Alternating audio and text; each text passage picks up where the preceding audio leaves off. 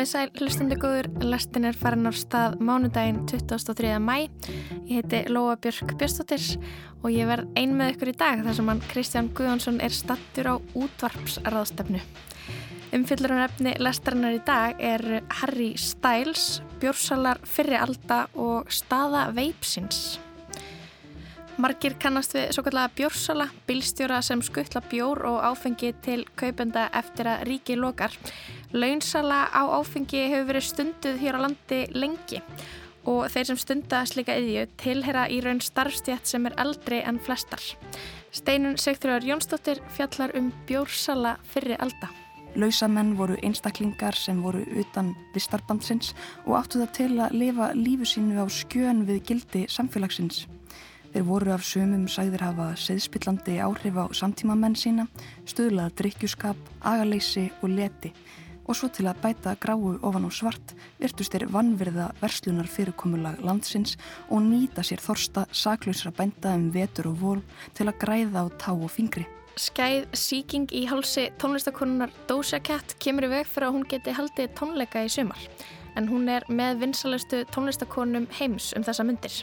Síkingin á sér nokkuð óheppilega skýringu, svo virðist sem söngkonan hafi veipað of mikið. Við skoðum stöðu veipsins í dag en hún er nokkuð breytt frá því að þessi rafsíkaretta kom fyrst á markað. Það byrjaði allt í stóru klumbunum og fólk var að búa til sína einkóil og massíf gufuskí og svo fór þetta yfir í aðeins þægilega en samt áleika stórt og núna er þetta búið að trappa sér niður í litlu pennana og einnótað pennana líka. Harry Styles gá á dögunum út nýja plötu, Harry's House. Þetta er önnur soloplata fyrrum One Direction meðleimarins en svo fyrsta kom út árið 2017. Strákaljómsveitin One Direction á sér gríðalega marga aðdáðandur aðalega í ungum konum og stelpum. Caritas Bjarkadóttir er einn þeirra og hún rínir í nýja plötu Styles. Ég hafði svo sem losa mig við sengurfötin sem mert voru hljómsveitinni og tannbustan sem söng What Makes You Beautiful fyrir einhverju síðan þegar þarna var komið sögu. Og svo er ekkert afbóðslega cool að leifa fimm ókunnugum mönnum í fjarlægu landi að hafa svona mikla stjórn á tilfinningalífið manns. En við byrjum á bjórsölum.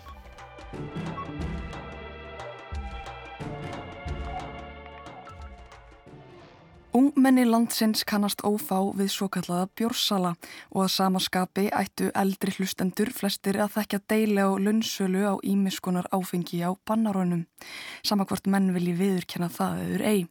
Af til byrtast enn frásagnir í dagbók löguraglu um einstaklinga sem rúnda um bæinn og skuttlag fóru tveggja fólki og bjór staðan á milli lungu eftir að áfengis og tópaksverslun ríkisinn skellir í lás.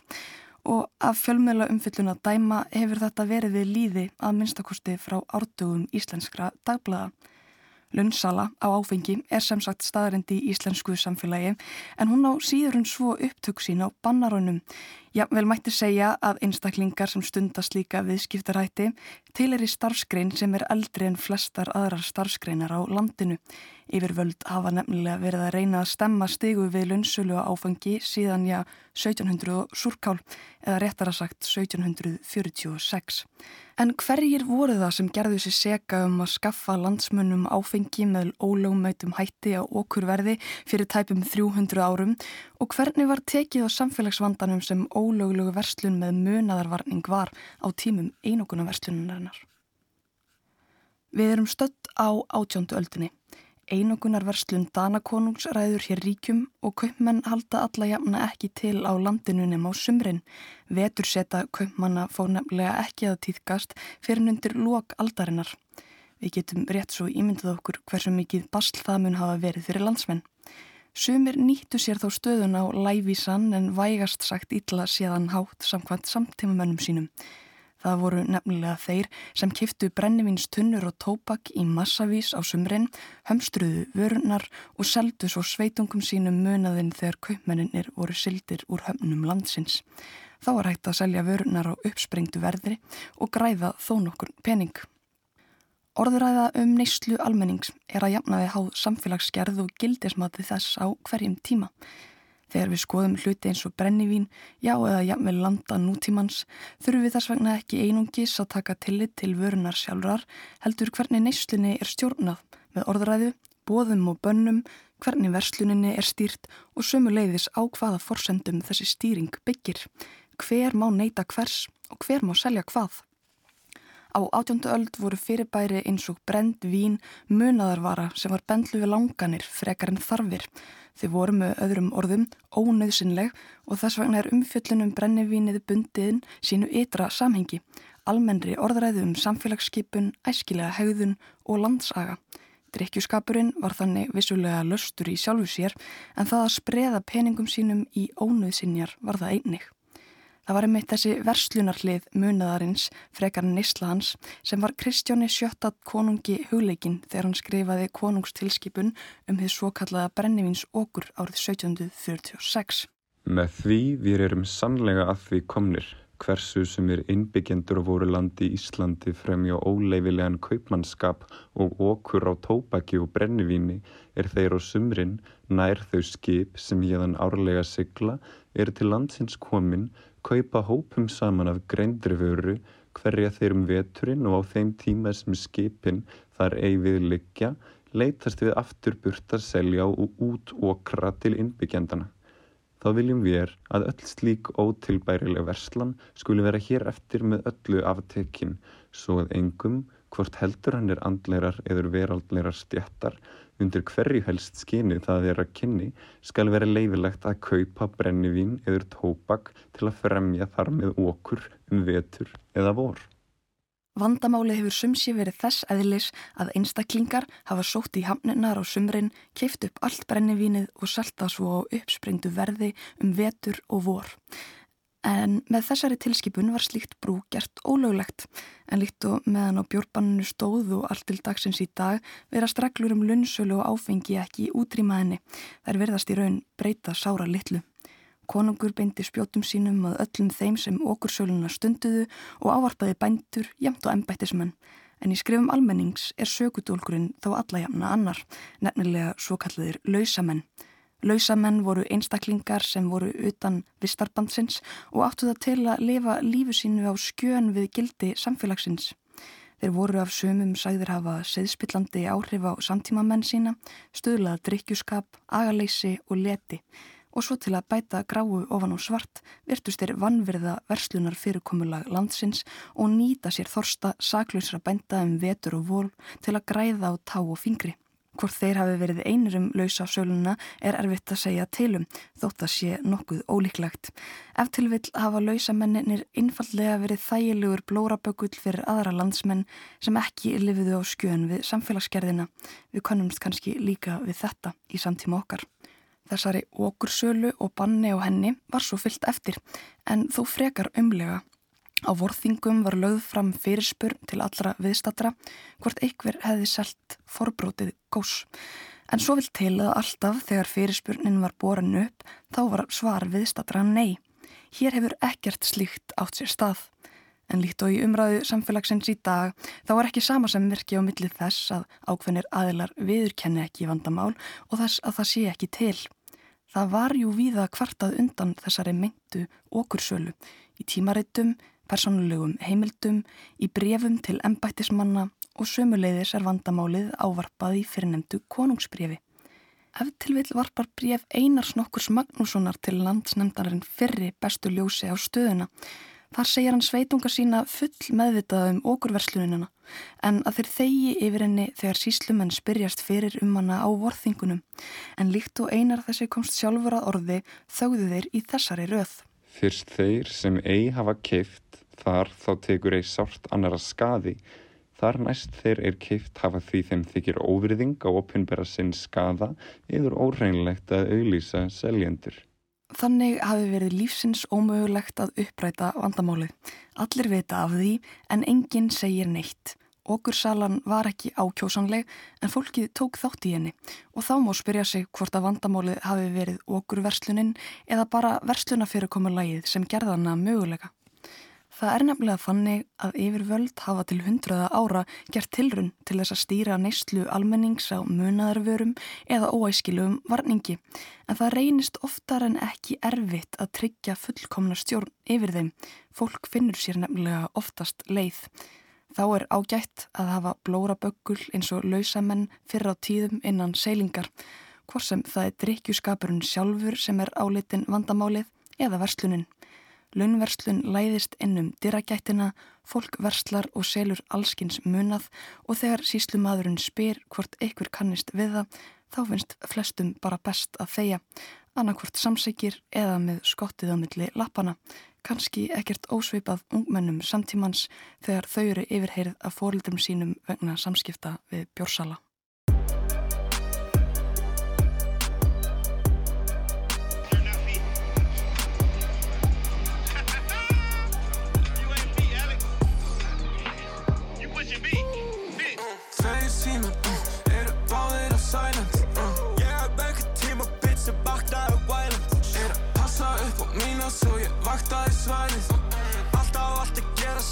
Alltaf í lægi Þú bussa B, við bussa B uh, Hún veit bara D uh, Veit hún er á eftir okkur Hvað sem að við fyrir Þessar bitches tengdar ég er bara að horfa á fér uh, Hvað sem að við fyrir Pókin okkar kemur með. Ekki sirka, sirka Þessi x-lætu með virka, virka. Ekki snitja, snitja Tólvaðin kemur þorfa að tippa Ekki vera að tröfla mig Þegar ég er að vikta, vikta Jó, förstu þessar bitches búin að missa Vissa, hundi mín er fróðsinn. Ég get ekkert sofið Ég og Eisi alltaf all-in. Efni og hann í sokkin mm. Ég veit alveg þú vilt vera yeah. Tala bak við mig, veist ekkert hver ég er Þegar síman mm. eru báðir á silent Ég hef ekkert tíma bitch. Sem vaknaði violent Er að passa upp á mína svo ég vaktaði svæðið Alltaf allt að gera styrum, alltaf í lagi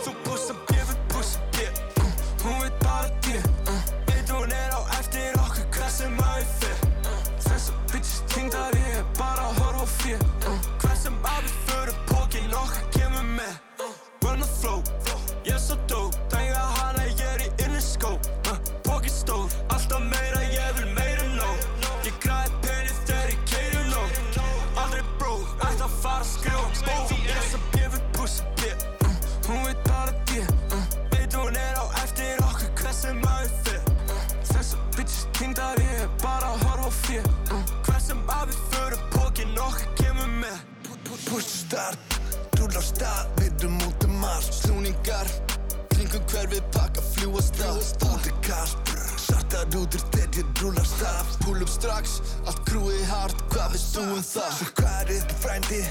Flýgur án sem fly shit Nei, þú ert engin læti. Púl upp verið rændir, þú veist ég púl upp bleðu sæti. Á allt öðru dæmi. Kamp og víni flæðandi. Það er ekki að velja, ég get ekki bæði.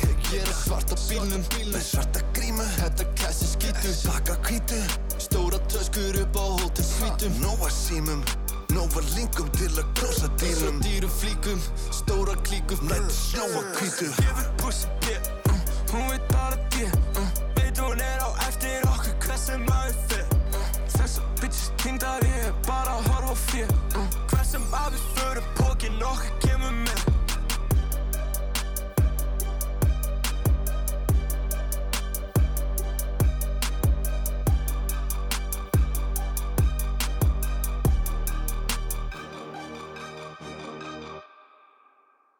Steinun Sigtrúar Jónsdóttir Sackfræðinemi flutt okkur þannan pistil um bjórsala fyrir alda. Og þarna heyrðum við glænýtt lag vakta svæðið með röppurunum Ísa, Ísleifi, Young Nico Drippin og Gísla Pálma. Glænýtt íslenskt rapplag.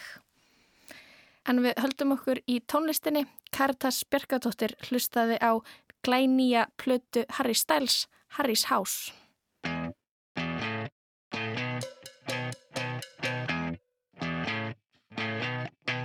You're insecure, don't know what for. You're turning heads when you walk through the door. Árið 2011 var mikið umrótár í mínu lífi. Ég byrjaði á túr í fyrsta skipti, misti náinn ættingja í fyrsta skipti og heyrði í fyrsta skipti lag með hljómsveitinni One Direction. Ég vil meina að þetta hafi allt haft mikil áhrif á mig og þó einhverjum finnist það eftir langt gengið að bera þetta þrætt saman, er ég hvorki komin hingað til að tala um tíðarhingin minn nýja afaheitin. Nei, ég er komin til að tala um óheilbreiða ástriðu mína fyrir hljómsveitinni One Direction og nýjustu plötu meðlimarins fyrirverandi Harry Styles. Þegar One Direction fór í frí og hér setjum við gæsalappir utanum orðið frí því það hefur dreyjist í sex ár, fór ég að gráta í skólanum. Og alveg hágráta með ekkasógum og hóri og svona í miðjum náttúrufræði tíma. Ég hafði helgað líf mitt þessari hljómsveit í fimm ár, grátið, leigið, sungið, lært nákvæmar fæðingarstundir meðlimanna, eitt vasapenningunum mínum í geistadiska, plakkut og syngjandi tampusta og svipstundu var það búið. Þetta voru óþægilega áþreifanleg kaplaskil. Ég var ekki lengur hormónar hrúald snemtáningsárana heldur hægt og bítandi að verða einhvers konar fullorðin. Ég hafði svo sem losa mig við sengurfötin sem mert voru hljómsveitinni og tannbustan sem söng What Makes You Beautiful fyrir einhverju síðan þegar þarna var komið sögu og svo er ekkert ofbóðslega cool að leifa fimm ókunnugum mönnum í fjarlægu landi að hafa svona mikla stjórn á tilfinningalífi manns. Áfram gakk og allt það. Og nú er leginn sex ár og ég er komin með bókara og googla rikksugur um helgar svo ég tel mig nokkurn veginn komna yfir ástriði fulla aðdáinn úlingsárana. En öðru hverju skýtur hún aftur upp kollinum við sérstök tilefni.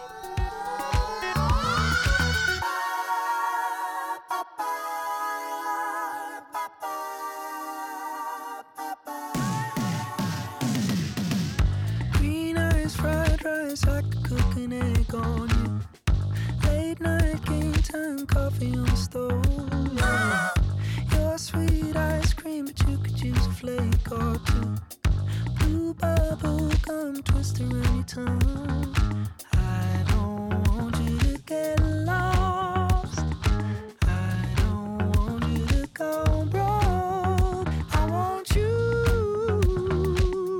Just 'cause I love you, babe, in every kind of way.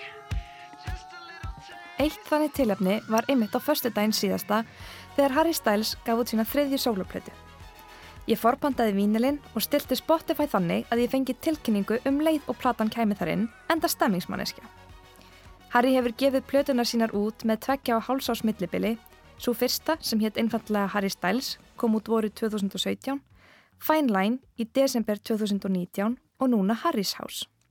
Og þegar kallið kom á miðnætti aðfarnótt föstudagsins, lokaði ég mig af og hlustaði. Titill plötunar kemur á öllum líkindum frá lægi eftir Joni Mitchell, en Harry er yfirlýstur aðdáðandi hennar. Rauður þráður Harrys House er unaður. Dýrt rauðvin, trúnum með nýri ást, matur, bílfærðir og ástriða.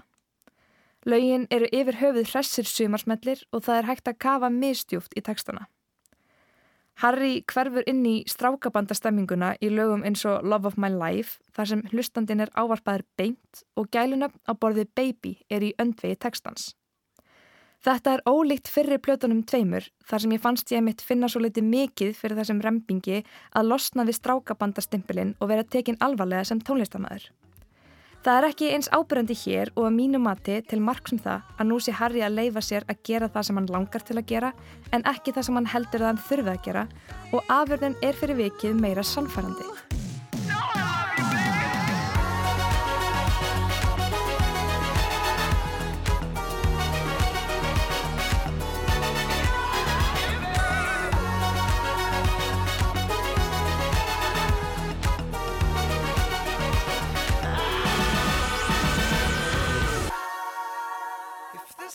Fyrsta lægið, Music for a Sushi Restaurant, er ekki ósvipa næst síðasta lægi Fine Line, Treat People with Kindness.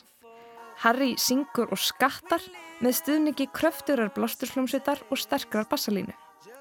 Tekstinn er í aukurhlutverki og fjallar á undarlegan hátt um mat og ástina. En það spillir ekki fyrir sömastamingunni og orkunni sem opnar plötuna á kröftugan máta. Næsta lag og eftir, Late Night Talking, er eitt af mínum uppáhalds á plötunni. Það helst í hendur við fjörðalagið As It Was sem var gefið út sem singull í aðdraganda útgáfu plötunar. Harry talar um breytingar, hann sé ekki hrifin af þeim en að ný ást sé þess verði að lífið tæki stakkarskipti.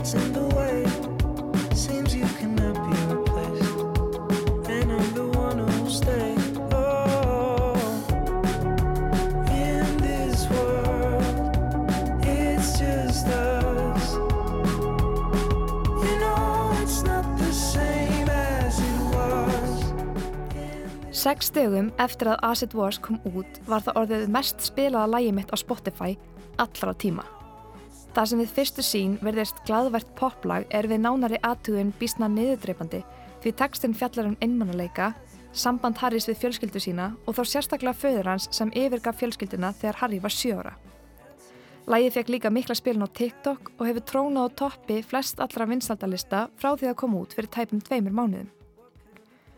Nokkur lagana minna óneitanlega á það sem Harry hefur áður sungiðum, allt aftur í Gullöld One Direction, þó hljómurinn sé allt annar. Lægið Boyfriends hefst á hendingunu Hu Nyaka Tita Kap Eroju Luf og þegar hún er lesin aftur á bakk fær maður út setninguna Fool, you're back at it again. Harry spilaði líka orð aftur á bakk í læginu Sunflower Vol. 6 á Fænlæn. Hjartasár og sumarið er ótæmandi brunnur innblástur's fyrir Harry og svo auðvitað ástinn og djammið. Þegar lagarlisti plötunar var tilkynntur fyrir mánuðinum tóku aðdáendur líka strax eftir því að þriðja lægið hétt eftir ávexti, rétt eins og Kiwi, sjönda lægið á Harry Styles og Watermelon Sugar, annað lag Fænlæn. One, two.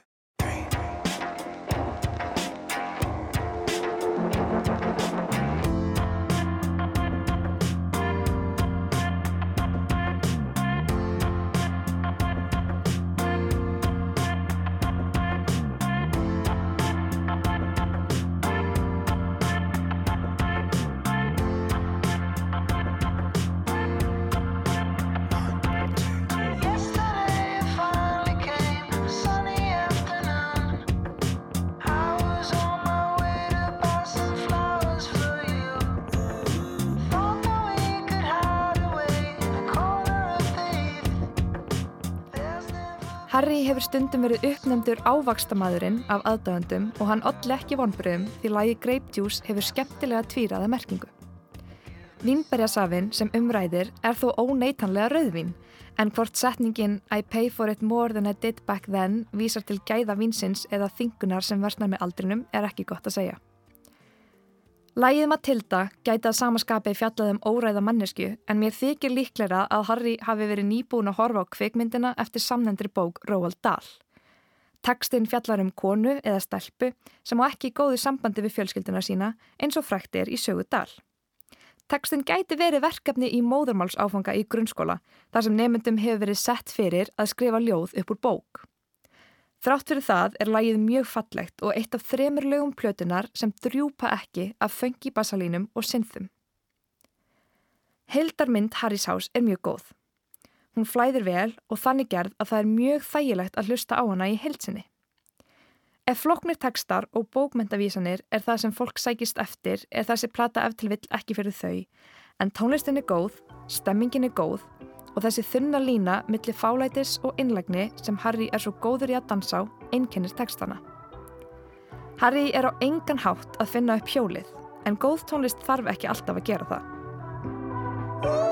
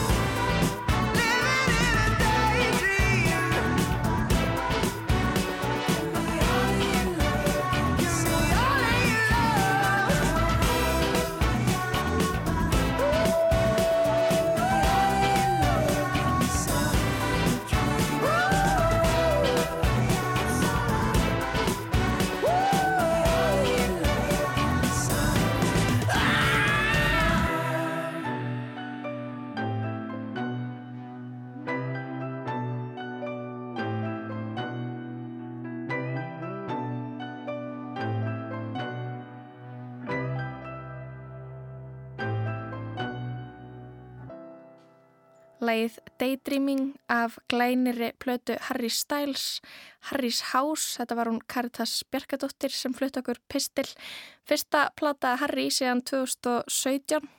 Eflaust margir aðdáðandur listamannsins sem glöttust við útkomu plötunar en það voru aðrir aðdáðandur annars listamanns tónlistakonunar Doja Cat sem fengu ekki jafngóður frettir á dögunum en það er útlitt fyrir að tónlistakonan geti ekki haldið neina tónleika í sumar eins og stóð til.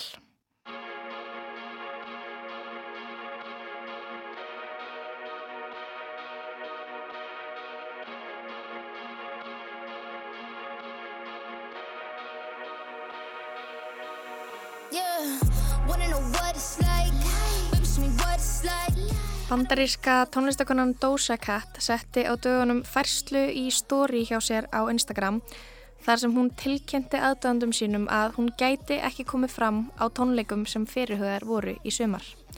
Ætlunin var að koma fram á fjölda tónlistarháttíða og taka þátt í tónleikaferðalagi kanadíska tónlistamannsins Weekend. Baby,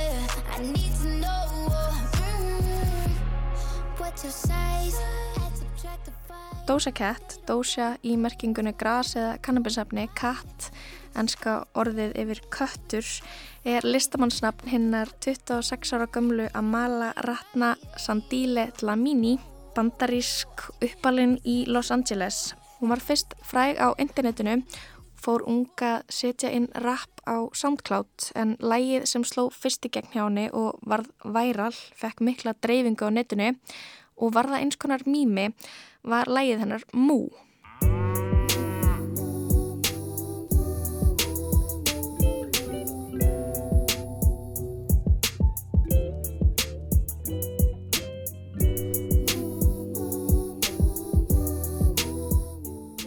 Tekstinn gæti útlegst eitthvað veginn svona á íslensku Mú, tík, ég er kú. Tík, ég er kú, ég er ekki köttur, ég er kú. Yeah, bitch, I'm a cow. Bitch, I'm a cow. I'm not a cat. I don't say meow. Bitch, I'm a cow. Bitch, I'm a cow. Síðan þá hefur hún gefið út ógrinni slagara og með tilkomu TikTok urðu mörg laga hennar mjög fræg, væral og urðu helstu hljóð undir TikTok myndbönd og TikTok dansa. Þar má helst nefna Boss Bitch, Woman, Say So og Kiss Me More. Doja Cat er internet listamæður, ef svo má segja. Fagurfræðin er mótu af netinu, tölvuleikjum, teiknumyndum og skrautlegri samsuðu ólíkra menningarheima. Hún er oft með bleikt hár og í svakalögum búningum. Doja Cat er með húmor sem er sennilega það sem er mest internetlegt við hana. Hún skilur nethúmor og mím og hún er mím. Þetta er húmor sem er vafasamur og hefur komið henni í vandræði.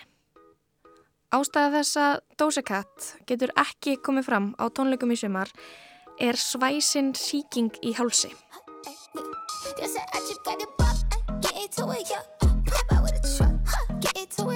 Hún fór í aðgerð vegna síkingarinnar og þarf að nota sumarið til að jafna sig. Hún hafði sem sagt áður fengið síkingu í hálskirtlana og verið sett á síklarleif en hjælt áfram að veipa og drekka svo að síkingin versnaði. Síkingin bólnaði upp og hálskirtlarnir fylltust af greftri. Veipfík söngkonunar grandaði tónleikasumarinn hennar. Söngkonan lísti því yfir síðasta 50 á Twitter áður en hún staðfesti endanlega að hún gæti ekki komið fram í sumar að hún væri hægt að veipa í byli. Hún segir, vonandi mun ég ekki kreyfa það meira. Ég er ofrætt til að sjúa veipið vegna þess að hálsin er auðmur. Ég grét í marga klukkutíma. Þetta er ekki þess virði. Í kjölfarið hefur hún týst um veipfíknina og að henni finnist óhugsandi að hætta. Hanna langi það ekki. Að jafnvel þó að það sé gríðarlega vond þá stari hún á veipi sitt. Þrái að veipa. Segist undir venjulegum kringustæðin veipa þúsund sinum á dag. En nú, þegar hálsin er sár, getur hún bara veipað einu sinni eða tvisvar. Veipið er henni samsagt afar kert.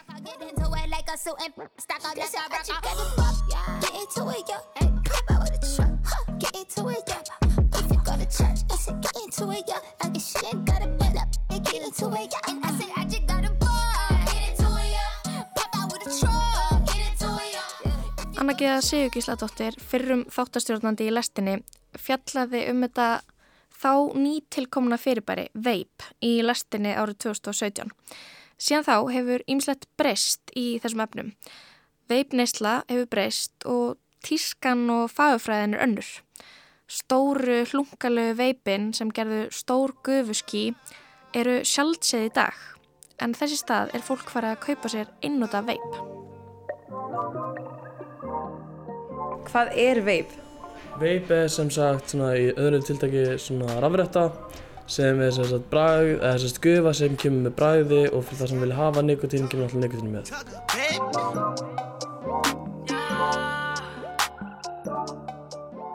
Til að byrja með var veipið hugsað til að hjálpa þeim sem vildu hætta að reykja. Í dag, örfám árum síðar, hefur veipið fært út kvíarnar og er eitthvað miklu stærra og meira. Veip er ákveðin tíska, ákveðin menning og einnig áhugamál. Hvað var til þess að, að þetta varðað tísku, heldur þú? Ég held að sé bara þessi gufa, eða þú veist, það er eitthvað, þessi mikla, mikla gufa og svo náttúrulega líka, þú veist, eins og auglýsingar ellendis frá eru svona svolítið ótaðar að úlingum og það að vera að framlega vökva kannski með eitthvað svona teiknumiti fíkurum og, og eitthvað slíkt sem að var svo bannað allan í bandaríkjunum og það var tekið niður af hillum margar slíka vörur sem voru svona rosalega mjög óvegandi bara mínu mati, veist, og það var alveg bannað úti og allt tekið af hillum en allir það sé ekki bara já, þessi mikla gufa og, og kannski ávástabröðin eða eitthvað svoleiðis. Í einslæginu rætti Anna Geða við veipara sem litu einni á þetta sem áhugamál. Fólk hittist og veipaði saman, gerði flott trikk. Þið geti ímdað ykkur þegar Gandalur gerir skip með pípureiknum í upphafi fyrstu ringadróttinsögumyndarinnar. Við fáum til dæmis fullt af fólki sem koma hérna bara daglega og þetta er sérst að sem eitthvað áhugamál ef fyrir, þú veist, fólk getur pikkað ef hvaða hlut finnst þetta bara sem gaman og þú veist, fullt af fólki að taka þetta sem áhugamál, ég meina það eru miljón græði til, miljón vögar, þú getur bara svona uh, ráðið svona þínum stíl Mhm. yfir hvað þú ert að gera, þú veist, sem er sérst að grænum okkar ráða, þú getur skipt um skjálit, lit af tölum, þannig að það er svo mikið svona valmögulegum sem láta lát þetta fólk taka þetta sem áhugamál og það er bara mjög þægileg sem sagt svona tilfinning að vita það að það er fólk sem actually hefur áhuga á þessu, finnst þetta gaman og sérstaklega að maður heyrir að fólk er hægt að reykja þessu. Nú er veip sannlega talað um að fæstum sem einhvers konar skadamingunarstól. Neistla ungmenna á veipum hefur fæst í aukana eins og fjalla varum í Kastljósi árið 2019. Komið sæl og velkomin í Karstljós. 15% barna í tíundabekk hafa notað rafrettur eða veipað og yfir 23% framhaldsskóla nema veipa samanborið við tæp 10% fyrir tveimur árum. Samt er ólöglegt að börn undir 18 ára aldri veipi. Notkunnin er hins vegar útbreytt og fer vaksandi. Að ræða rafrettur og veipið landlækni og formann velferðarnefndar Alþingis í Karstljósi í kvöld. Alma Möller og Helga Vala Helgadóttir við erum velkominar í Kastljós. Já, við vorum svona að ægja því að hvort það geti verið að vera einhvers konar veip faraldur í uppsyklingu hérna þegar rannsóknir benda til þess að 15% tíundu bekkinga notir afrættur og veipi. Af hverju er þetta svona, spyr ég landlækni? Það er góð spurning og öruglega ekkert ein, einlít svar en þetta er virðist verið tísku og ég var að ræða þetta við krakka í fellaskóla í morgun og þau segja mér að þetta þykir cool og einhver þeirra eru að sækjast eftir áhrifunum af nikotíni. Alma Möller, landlæknir, talar um annars konar faraldur heldur en við erum vöna að heyrum. En nú er veip ekki bara selt í veipbúðum heldur er þetta að fá einnóta veip í flestum shoppum og maturverslunum. Á okkar litla Íslandi er að finna þó nokkuð margar veipverslanir eða gufuskála eins og Bræi Valdimar kallar búðirnar. Veslunin Polo sem selur veip í 50-60 sjoppur um all land, Drekinn í Reykjavík og Hafnafyrði, Sós í Keflavík, Þokan í Kópavogi, Djáknin á Akureyri og í Reykjavík, Fairveip, Grandveip, Reykjavík Veip og Grifjan sem er með veslunin í Vestmannegjum og á Ingolstorki í miðbæri Reykjavíkur. Stólpar í nikotínsölu hafa brúðist við breyttum tímum og breytt til.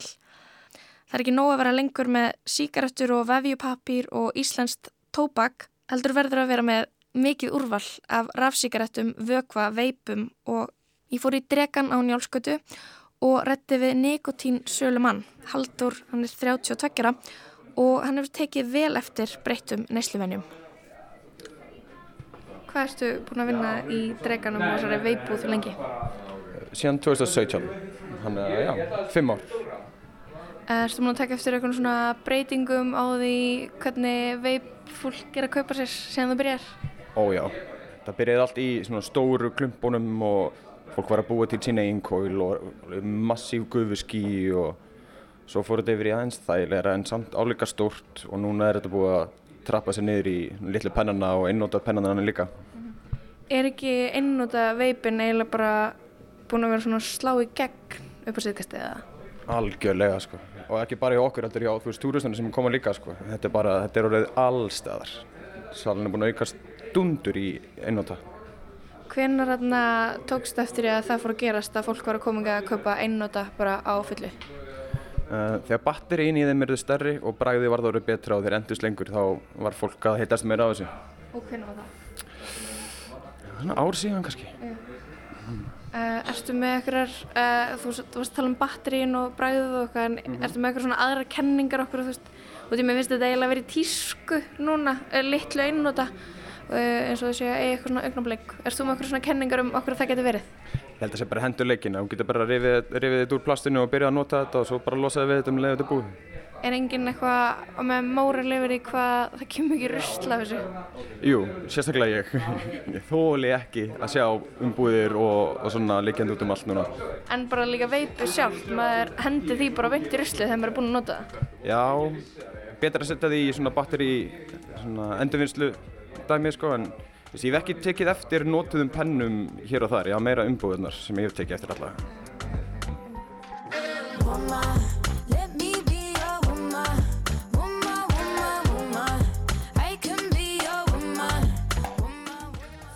og það er ár síðan það var svona vinsælt. Uh, ertu komið með eitthvað svona, er eitthvað svona típur sem þú tekur eftir ég er að kaupa einnóta veip? Er eitthvað svona munur á hver kaupir einnóta og hver eru ennþá í hana gamlu? Nei, svo sem ekki. Þetta er orðið, það eru allir aldurshópar að koma og kaupa þetta. Margir eru kannski að grípa þetta svona eina með þegar þeir eru að kaupa áfyllingar á, á vennilögu gæjana. Kannski grípa þær eina svona með til að hafa í bílnum eða eitthvað. Svo líka út af staðsningunni hjá okkur þá er hérna rosalega mikið um að fólk sé að grípa á jammið. Stoppa hérna, þeir eru með opið frekar lengi þannig að þetta hendar. Er fólk frekar að kaupa sér einnóta veip fyrir jammið heldur en síkó núna? Já, heldur betur. Og líka Nikon til púðana. Algjörlega sko. Getur þú kannski sínt mér aðeins svona vinsalustu típunar og vinsalustu brauðin svona, og sagt mér aðeins frá þeim bara svona hvað fólk er einhvern veginn helst að kaupa? Sko, hjá okkur er fólk, fólk helst að kaupa EFFG línuna. Sem, sem er hann að iVape Great. Já, nákvæmlega. Uh -huh. Og þá er Strawberry Watermelon, Pink Lemonade, Raspberry Lemonade, Grape, Blue Raspberry, þetta er svona langvinsalustu. Uh -huh. Þeir eru ekkert búin að lendi eða eru úlingar að koma og reyna að kaupa? Nei, við erum orðin ógeðslega harðar skilíkjum. Það er bara, það er ekki sjens. Mm -hmm. Ok, sko, eitt svona einnöta veip, það kostar 1200. Hvað þarna, uh, úst, hvað endist það lengi? Sko, þessir á 1200 eru með 600 púfa takmarki. Okay. Og svo erum við með aðeins stærri, sem eru 800 púfar, þeir eru á 1500. Og svo erum við með líka aðra típur hérna sem eru með alveg 2500 púfa. The CEO just like a Robin Fenty. And I'ma be there for you cause you on my team, girl. Don't ever think you ain't had these dream, girl. They wanna pit us against each other when we succeed. And for no reasons, they wanna see us end up like we were Gina or Mean Girl. Og hvað er svona eins og þú veist, eitt veip, þú segir 600 púfar, 800 púfar, þú veist, hvað er eitt síkartupakki? Nú hef ég ekki hugmynd, ég hef aldrei prófað síkartur. Ok.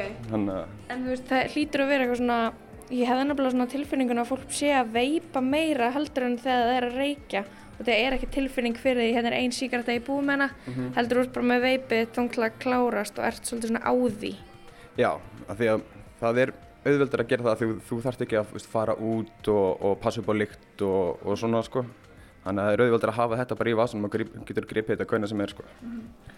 Og hvað heldur að þú veist, maður sé með eitt svona uh, 1200 krónu veip í marga daga þá maður þarf að henda því Ég myndi segja að fyrir venjulegan veipara þá er þetta endast kannski út kvöldið. Okay. Þannig að þess vegna eru mitt stóru möguleikarnir fyrir, fyrir aggressíva fólki sko. Okay. og þú veist ennþá með sé ég sko hérna þessi hérna veip sem ég kalla eiginlega bara svona hlunga veip þessi hérna, já, þú veist sem er eiginlega bara svona meira eins og tölva og svo einhvern veginn, uh, þú veist, og allir vökvarnir í þetta, þú veist, er þetta að seljast jafnvel? Nei, alls ekki. Þetta er, þetta er búið að minka alveg svakalega í sölunni. Það er aðalega svona áhuga mennirnir sem eru ennþá að kaupa þessu stóru. Þannig að við erum ennþá með það í búði en salin er búin að minka sko. Og nikotínpúðarnir eru þeir ekki eiginlega alveg búin að, þú veist, fólk ekki alveg búið að skipta í þá úr íslenska bakinu eða? Jú, svona eiginlega allavega með við söluna hér sko. Þá, ég er að selja kannski eina svona dolli í viku af gamla íslenska. Þá meðan maður er að selja einmitt 100 dollir á dag af púðunum sko. Þú veist, það er bara ég persónulega en svo náttúrulega allir hinni þarna, en tekur eftir einhverju svona uh, kynjaskiptingu á hver kaupi hvað, eru stelpur meira að kaupa eitthvað og strákar meira annað, hefur eitthvað tekið eftir einhverju þannig? Nei, svo sem ekki sko. Þetta er, fólk er að fara í brauðin bara alveg eins, eins og þeir eru mörg sko. Ég er bara eitthvað að hugsa hvort að einnóta veip sé gæludæmi og púðarnir svona gauradæmi eða erstu ertu ekki að tengja við það á pælingu? Nei, ég, ég finn ekkert svo leið sko. Okay. Nei, já, nei, þetta er bara svissast á milli sko. okay, okay. Uh, Takk hella fyrir spjallið og bara eða góðan dag. Þú líka. Það var fráðlegt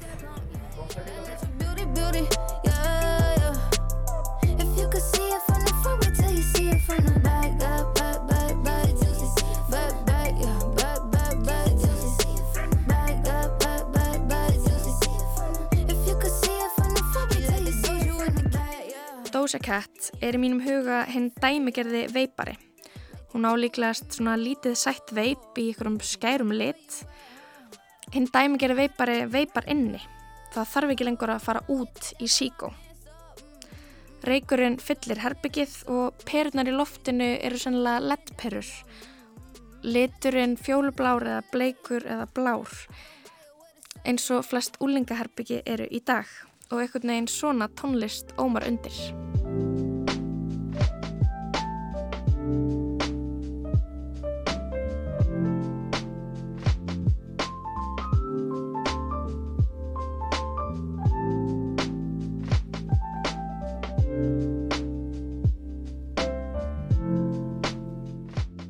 Þarna sett ég undir YouTube playlistan sem er alltaf live, alltaf í bytni, lo-fi, hip-hop, beats to relax and study to.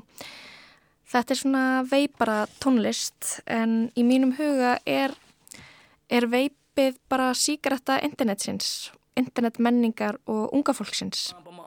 Ég horfi á stóra glírskápa stút fulla af alls konar veipum. Til að byrja með sama er eina til tvær típur af veipum. Nú er þetta eins og að standa fyrir framann naglalakkarekkan í hagkaup. Hvaða naglalakk hendar minni personu? Hvernig vil ég að aðrir sjáu mig? Hvernig vil ég hafa mitt yfirbræð? Ég spyr Katrinu nánar út í gróskuna í veipmenningunni. Það komið nýjum nýj, nýj tæki? Mjög mikið. Alveg eins og núna við erum ennþá eftir að fá nokkar sendingar inn af nýjum tækjum út í nokkar þessum eins og þarna. Þetta er allt bara gamalt að þetta bara komið út úr línunni eins og þetta er alltaf nýjasta og líka mestalæg með veipkúlturinn. Það er mjög mikið nýtt, kemur yfir nýtt. Já. Þannig að fólki vilja hafa nýjustu tækin. En hvers vegna? Hvers vegna? Þetta er emla komin hún í tísku. Já, og líka bara hafa öðruvísi stíl á þessu alveg með þetta er kannski vennilegt og núna er þetta komin að svona stórum skjá og þessi hér kemur ljósúrunum þetta er meira svona Þetta við skjá, hvað stendur það á skjánum? Hana, það stýnir í staðan fyrir ítar á takkana hérna. Það eru svona snerti skjár og það sýnir hversu háan styrk þú vilt hafa vottinn og allt það. Já, þetta er bara eins og sími.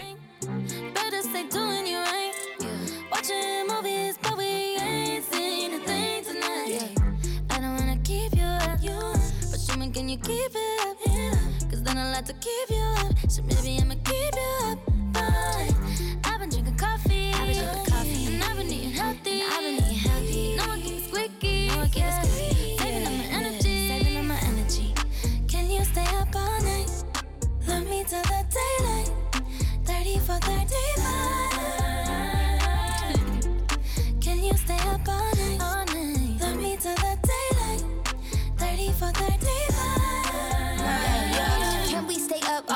Of a jet lag. You bring your finest hat and overnight back. Add up the numbers or get behind that. Play and rewind that. Listen, you'll find that. I want that six nine without Takashi, and I want your body, and I make it obvious. Wake up the neighbors, we got an audience. They hear the clapping, but we not applauding. Six o'clock and I'm crushing. Then it gets seven o'clock, now he running. When it hit eight o'clock, we said, okay, forget your girl, pretend that I'm her. Can make the cap hurt, make my back hurt. Ay, making that squirt, rain the shower, the spray. Now that's perfect, baby. We don't sleep enough, but I'ma keep you up if you can keep it up. Baby, can you stay up all night? All night. Love me till the daylight.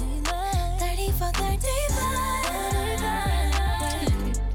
Can you stay up all night? Love me till the like a baby, but you know I'm about to keep you up. Welcome to my channel, and today I'm about to teach you something. I can make it pop legs up like a can can. Wake the neighbors up, make it sound like the band playing. Let me get cute. He's about to come through. Hopping in the shower for about a whole hour. He finna act a dog in it, so he get the foul kitty. Netflix or Hulu, baby, you choose. I'm up like Starbucks, three pumps. Ooh, this this good for your health, call it superfood. When I'm by myself, DIY like a shoe too. Bad, bad, bad. All the boys wanna spank me. Left him on red, girlfriend need a thank me. Vegas toast point, ballerina no tutu. Baby, I'm the best. I don't know what the rest do. Dive in that water like a private island. 34, 35, we can 69 it. And I've been a bad girl, but this on a good list. I hope you ain't tired. We ain't stopping till I finish. Yeah, uh, Can you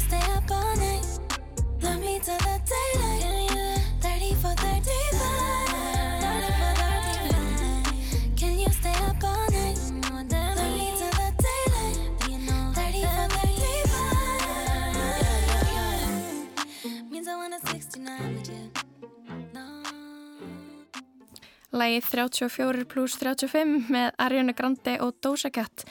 Við heyrðum líka nokkur brotur umfjöllun önnugiðu Sigurgísladóttur sem er fyrir umsjónumæður lestarinnar sem kannaði mitt veip og veipmenningu árið 2017 og ég reyndi að gera slíkt þið sama. Margt sem hefur breyst og en veipið ennþá vinsælt, bara aðeins öðruvísi. En við ætlum að ljúka lesta þetta dagsins í dag á nýlegu lægi með söngkoninni Bríett. Hún hjælt afar velhæfna tónleika í hörpu á lögadaginn, hjælt tvo tónleika sem hefnust afar vel. En lestin verður ekki lengri í dag, við verðum hérna aftur á morgun. Ég heiti Lóa Björk Björnsdóttir, tæknumæður þáttarins í dag var Lítiða Gretastóttir. Verðið sæl.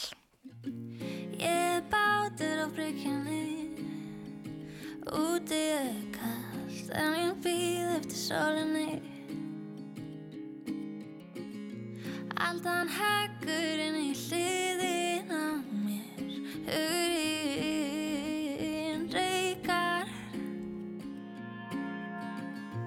Nýr á bóts ekkur ekki rið Ég tóða fast Reyni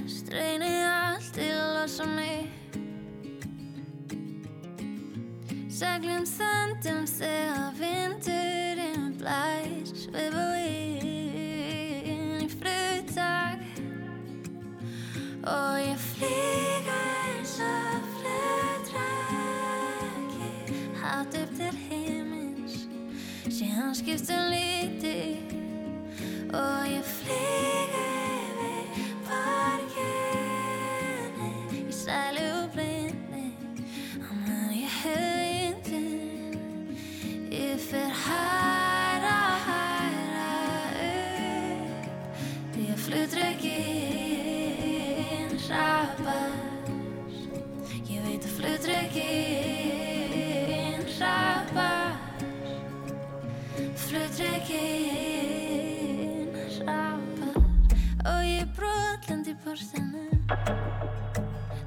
Leita til þín Þú vilt dregan í loftinu